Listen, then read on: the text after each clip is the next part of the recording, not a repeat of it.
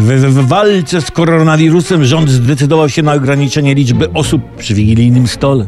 Oprócz domowników może być jeszcze maksymalnie pięcioro zaproszonych. To taki świąteczny rządowy program 5. Jeśli zatem ktoś ma dużą rodzinę, to musi kogoś odrzucić. No, Na przykład, nie wiem, babcia zostaje w domu. Już na tylu wigilii jak babcia była, młodzi niech se utrwalają tradycję. Albo odwrotnie.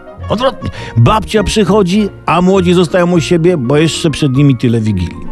Rząd mógłby też prowadzić godziny wigilijne dla seniora. Seniory, seniorzy spożywają ucztę między 10 a 12, reszta wieczorem. Dobrym wyjściem w tym roku byłoby, żeby zapewnić spokój przy stole, podzielenie rodziny ze względu na poglądy.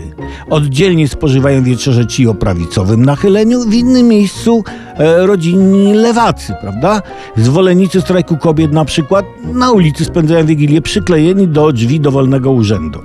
Rozwiązania te rozładowałyby nieco ruch przy stole.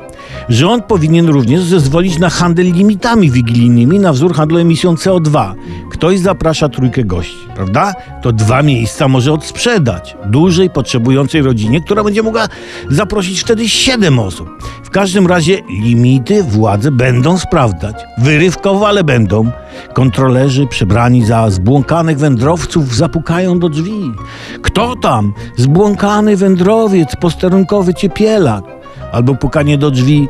Kto tam? Święty Mikołaj, otwierać! Wpada święty woła, ho, ho, ho, na glebę szmaty. Ilu was jest oprócz domowników? Tak, kochani, tak, Wigilia w tym roku zapowiada się pasjonująco. Nie przegapmy jej.